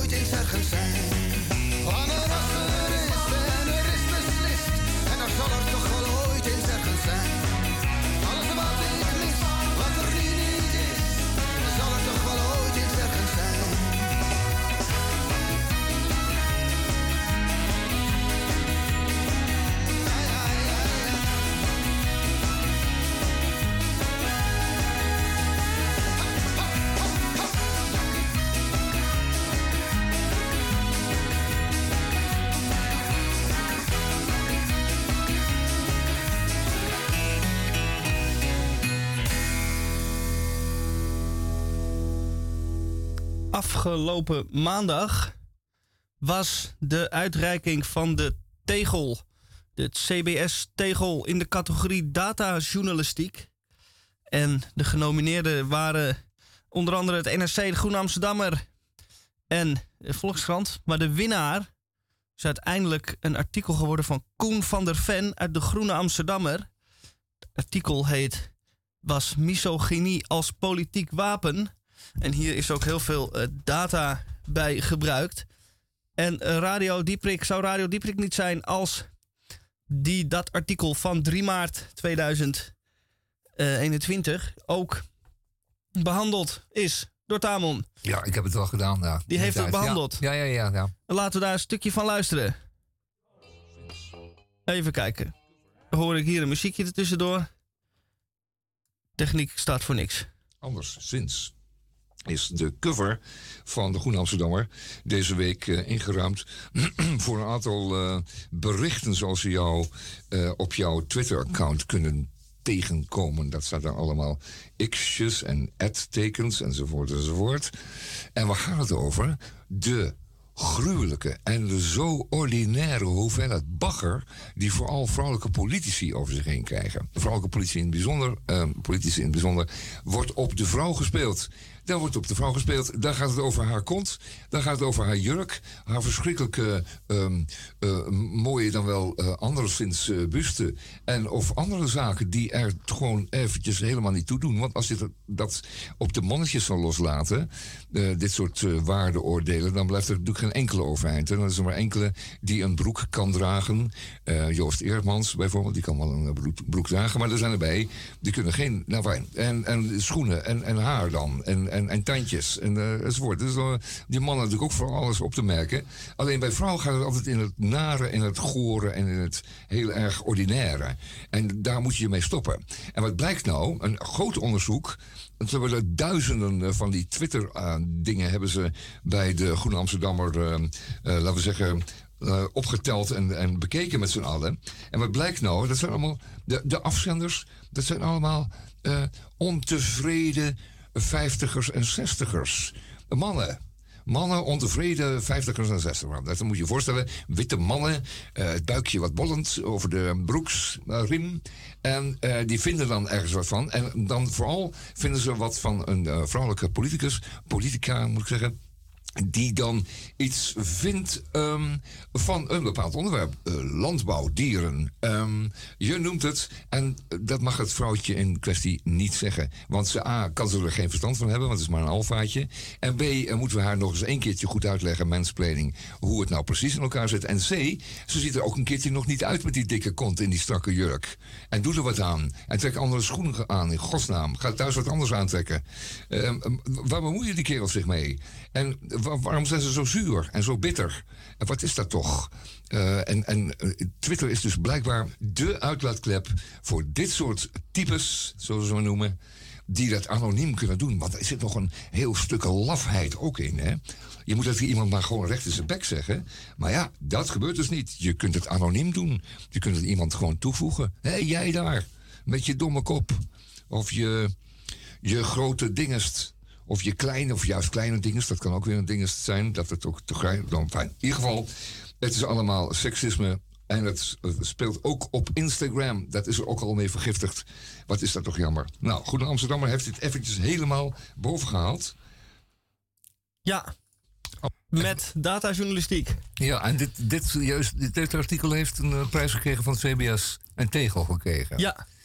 Ja, nou ja, ik was er toen al, eh, toen al eh, over overtuigd dat het eh, nodig was. En dat, ik vond het toen al schande. Maar fantastisch dat CBS dus nu dat waardeert door hen een tegel te geven. Van de fan, zei je, die het gemaakt heeft in de tijd? Ja, onder andere. Oké, nou, kijk eens aan. Groen Amsterdammer.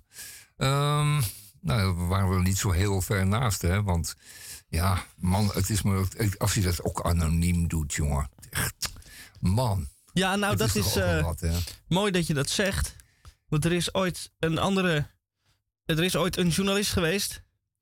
Een misdaadjournalist. Peter Mhm. R. de Vries. Die kreeg ook dergelijke berichten. Ondanks dat hij geen vrouw is, kreeg hij ook dat soort berichten. En hij dacht: laat ik voor de SBS6-show.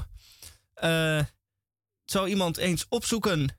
Inderdaad, een meneer in de 50, 60, Ja. die leeftijdscategorie. Ja, ja, ja, ja. En dan krijg je dit.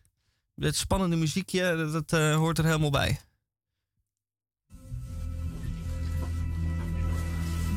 Dag Jan. Ik ben die landverrader die jij graag een kogel door zijn kop zou willen schieten. Nou, hier ben ik. Ja. Wat is dat voor flauwekul? Oh, joh, dat is... eh, Hè? Hoezo, dat ben je toch ook, of niet? Ja, ben ik een landverrader Nou, omdat, dat ik iets, ik- omdat ik iets aardigs heb gezegd over vluchtelingen? Nee, dat is, dat is niet zo. Maar het is wel zo dat je dus een beetje links, eh, te veel voor mij links bent. Oh, en dan ben, ik, een, ben ik meteen een landverrader die een kogel verdient. Ja, nou ja, goed, dat noemen ze toch allemaal zo? Oh ja? Ja. Dat is gewoon een beetje de stijl van de PVV. Zeker, ja. Ja. Dat gebeurt er als jullie aan de macht komen.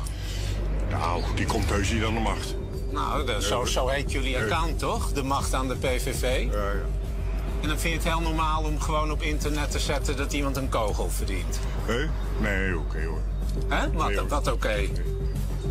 Nee, sorry, maar... eh, Wat sorry? ik, ga, eh, ik ga naar binnen, joh. Want ik, ik, Oh, nou, nou, nou, Nee, nou, nou, nee, nou nee, je ineens, eh, sta je met je mond vol tanden? Ja, dat komt mij ook op mijn dak. Maar ik moet luisteren. Hè, je als bent wel als zo dat flink. Je bent wel zo Nee, flink ben- om op internet helemaal- zoiets te zetten. Helemaal niet, joh. Dat, Waar slaat het op, man? Nee, dat je gewoon op internet zegt dat iemand een kogel verdient omdat hij wat aardigs zegt. Ja, ja, ja, tekenend hè, voor die lovebekken. Ja. je moet er gewoon iemand, eh, wat, je, wat ik al zei, recht in zijn bek zeggen of niet. Hè? Of, eh, of anders formuleren, dat kan ook nog. En met je naam erbij. Dat eh, kan ook altijd nog. Zwaar altijd maken. Ja, ik het helemaal niet oké wat jij zegt. En, eh, ik ben die en die en ik zou daar graag eens met u een keertje een kopje koffie over willen drinken. Eh, of een biertje willen heffen. Wat overigens niet kan bij geboden zwijgen vandaag. Maar in zijn algemeenheid. Heel terecht dat ze daar een tegel voor hebben gekregen. Want het moest een keertje ophouden. En het schijnt nog altijd maar door te gaan. Hè? En ehm, wat je voorheen dus hoorde in bepaalde kroegen of bij de kapper. Ik heb de kapper ook wel eens gewoon bij de herenkapper heb ik het ook wel eens gehoord. En ehm, iemand zei dat zomaar een keertje in een winkel waar ik bij was. En ja, ook, ik zie jou nooit meer, maar het blijft wel hangen, zo'n opmerking. Dat is ook een beetje een soort pseudo-anoniem. Ja. Ehm, ja, fijn. Er zijn mensen die zijn altijd eh, zeer kort door de bocht. En die denken dat als zij een ferme mening hebben, dus in de zin van ze moeten hem is dat en dat, of haar ook is dat is dat, eh, is goed te, grazen enzovoort, dan eh, ben je stoer en dan kun je bij je vriendjes eh, dat, ehm, ehm, dat, dat mooi kwijt. En, en die vrienden gaan er dan weer overheen. Dat, je samen in een soort roes komt van, van verdomming. En dat moet toch ook wel weer fijn zijn. Alleen, ja, als het nu hele grote groepen betreft. En als die groepen zich langzamerhand aftekenen. En als die groepen ook de kans wordt geboden om eh, zich daadwerkelijk eh, te uiten of te manifesteren. Dan wordt het wel vervelend. Het kan op zo'n, zo'n voetbalavond zijn, zo'n feestelijke voetbalavond kan het zijn. Uit vreugde of uit frustratie. Maar het kan ook bijvoorbeeld een landstreek zijn. Zoals de Donbass of zo, weet je veel. En dan, komen, dan komt dat volk. Dat jij niet naast je wil hebben wonen. Komt dan opeens eh, de straat op. En het blijkt levensgevaarlijk te zijn. Want het zijn allemaal van die ja, typen, types die, eh, waar, weinig, waar geen rem op zit. Jammer. Pas op daarvoor. En voed uw kinderen anders op, in hemelsnaam. Lekker dit. Ja. Het is een stad, het is een dorp, het is een plaats of een gehucht. En je moet er niet te gek doen, anders ben je zo berucht. Waar je dag zegt tegen melkboer, kruidenier en oma Gent. Die je nooit een bon zal geven, omdat hij je vader kent. Waar je rustig aan kunt zeuren tegen iedereen Omdat iedereen wel iets heeft waar hij over zeuren gaat. Eerst dan vind je het gezellig en je kent de hele stad. En dan doe jij het examen en dan heb je het wel gehad. Iedereen zit ergens anders en jij zit verdomd alleen. Met alleen maar oude mensen en familie om je heen. En dan wil je ook gaan reizen naar Parijs of naar zoiets. En je vindt je hele leven land maar niets. Je gaat op avontuur. Je leidt honger in een hooiberg en geniet de liefde puur. En je komt na een paar maanden als een zwerver weer naar huis. Met een baard en zonder centen, je hebt honger, dorst en luis. Ja! En je scheert je en dan trouw je en blijft zitten waar je bent. In je eigen kleine stadje waar je alle mensen kent. En dan zeggen ze tevreden, hij verliest zijn wilde haar.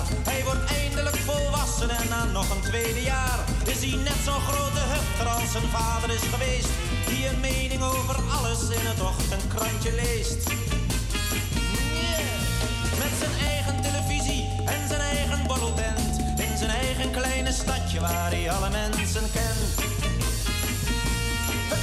Niet dat hij een vliegtuig kwaad doen en hij is niet interessant. En hij kijkt geen meter verder dan zijn borrel en zijn krant. Maar houd hem maar in de gaten, want het is zo'n kleine man. Die als hem dat maar gevraagd wordt vaak het beste schieten kan.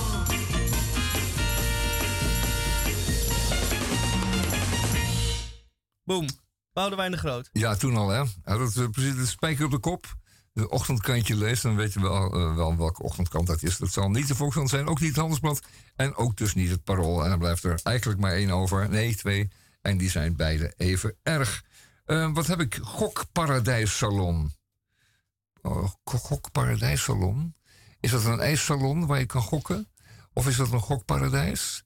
Ehm, dat gaan we zo even doen. Eh, Dat is nog mijn, mijn kromwoordje nog even. En wat ik wil namelijk nog even doorvoeteren, graag, over dat domme gok. Het is namelijk zo erg dat Nederland, nota bene, dat vind, ik- dat vind ik echt, echt heel erg. Op het gebied van verslavingen juist heel veel inzet heeft getoond. Op het gebied van, van eh, tabak en drank en weet ik wat, voor verslavingen dan ook. Allerlei instituten in het leven heeft gehad. Er is een hele GGZ-machine omheen gebouwd. Ehm, als je, en indien je verslaafd bent, is dat vaak heel erg lastig. Iedereen die dat eh, overkomen is, weet hoe lastig het is om daar weer van af te komen. En wat gebeurt er dan? Dan wordt het gokken, toch echt een verslavende bezigheid is, die eh, ook heel wat ellende kan veroorzaken, wordt gewoon door de overheid gepromoot. En dan mag ik rustig zeggen, als je dat toestaat, als je deze boeven toestaat, eh, dit toestaat, dan ben je bezig met promotie. Hetzelfde als een, eh, een, een heroïnedealer op de radio laten verklaren dat hij eh, de bolletjes bruin in de aanbieding heeft en verkrijgbaar zijn in diverse filialen in, eh, op diverse plaatsen. En eh, dat gaat allemaal op precies dezelfde manier. Kost je evenveel, veroorzaakt bijna evenveel ellende. En je snapt niet dat zo'n eh, overheid met zoveel zorgen en eh, goede bedoelingen dit soort dingen toestaat, CQ promoot. Laat ik het maar nog een keer zeggen. Ellendige, domme gokken. Ja, het, nou, eens- de reden waarom ze dat gedaan hebben, Ja. zo zeggen zij zelf, Ja. is dat hiervoor was het online gokken, ging dat via schimmige... eh, Ja, was volstrekt illegaal. Het mocht Ja. niet, hè? maar het werd een soort van half gedoogd door bedrijfjes die niet te pakken waren op Malta en Isle of Man en weet ik veel. Ja, en dus Cu- Curaçao dus. Ja, en nu eh, is het gereguleerd, dus nu heeft de overheid er eh, grip op. Ja, ja. Het is wel zo dat het nu dus veel meer in beeld is voor mensen die dat eerst nooit zagen. Omdat ze niet geïnteresseerd waren in gokken. Nu, Nu eens niet eens van het bestaan wisten. Nee, nu voortdurend lastig worden gevallen door eh, hinderlijke reclames. Nou, en wat zijn ze hinderlijk? Met BN'ers die ook een zakcentje bij willen verdienen. Treurige, treurige zielen. Enfin, eh, dus, ik heb het zo even over gehad, over Curaçao, dat, eh, dat paradijs. Die, die gokparadijssalon. Ehm, het, is, het is heel erg. die- er zit allemaal maffia in. Eh, je noemt het en zit erin eh, van Italiaanse tot eh, Russische enzovoort.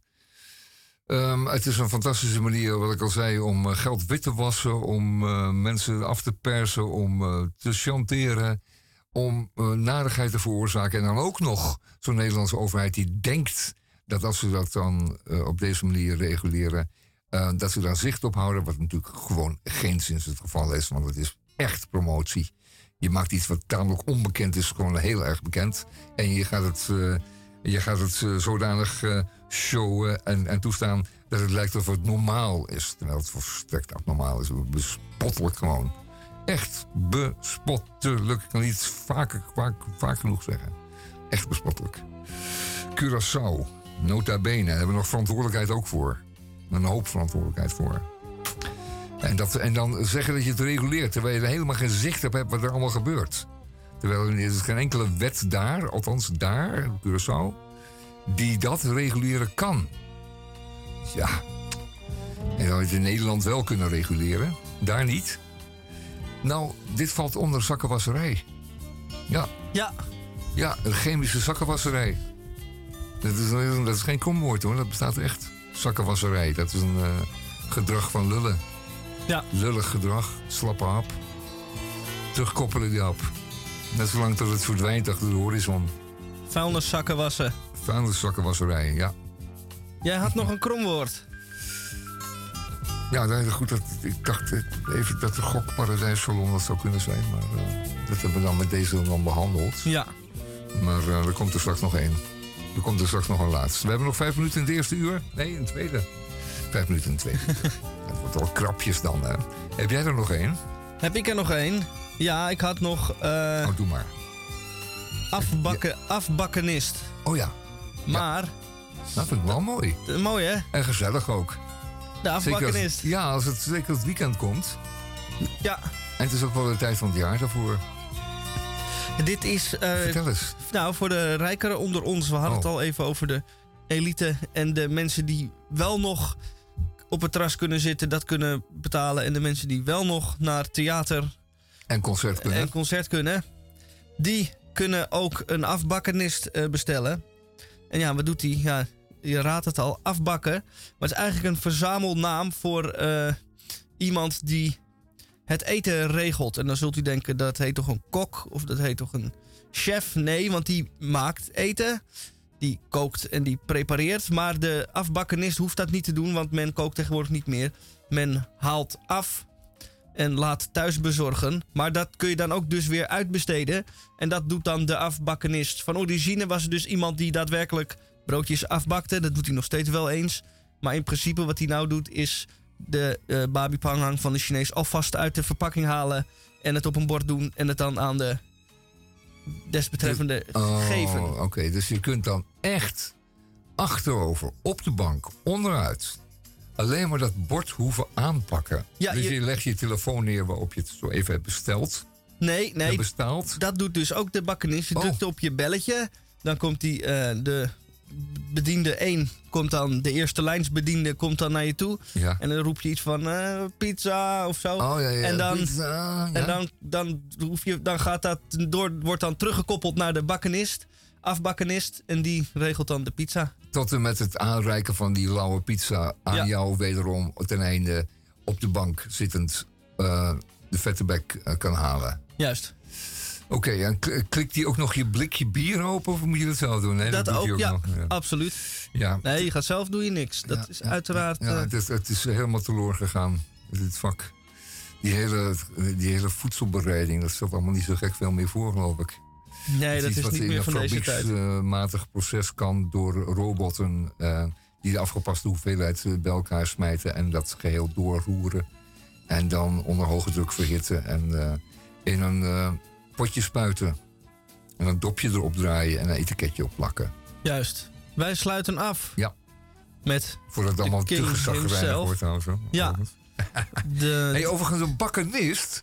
Dat is, een, eh, dat is iemand van. eh, dat is een, in, in, het, in het motorrijden. Ja. Je de zijspanraces. En, en die gast die in de zijspan zat, dat was de bakkenist. Ja, en die was altijd die Sjaak. Als Ja. ze dan eh, onderuit gingen, dan die bestuurder die stapte gewoon eh, weer af. Die had een beetje modder op zijn op Maar die die was zuur. Die lag ondersteboven Ja, onder de motor. eh. Nou, zegt die, die heette uitlaatpijp in zijn nek. En, eh en er zat om de boom gekruld. Ja, dat was geen vrijvak. Moest Nee. je wel durven.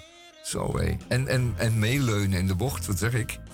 Je kroop ofwel achterop de motor of je hing helemaal buiten het bakkie. Ja. En dan moet je natuurlijk ook geen eh, uh, dennenstammetje van uh, 10 à 12 centimeter tegenkomen.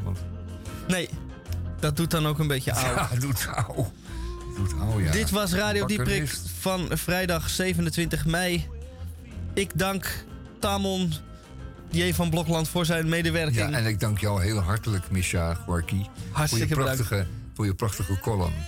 En je verhalen uit het verre mm, Almere. Almeria moet ik zeggen. Almeria, ja. Almeria. Tot volgende week. Ja.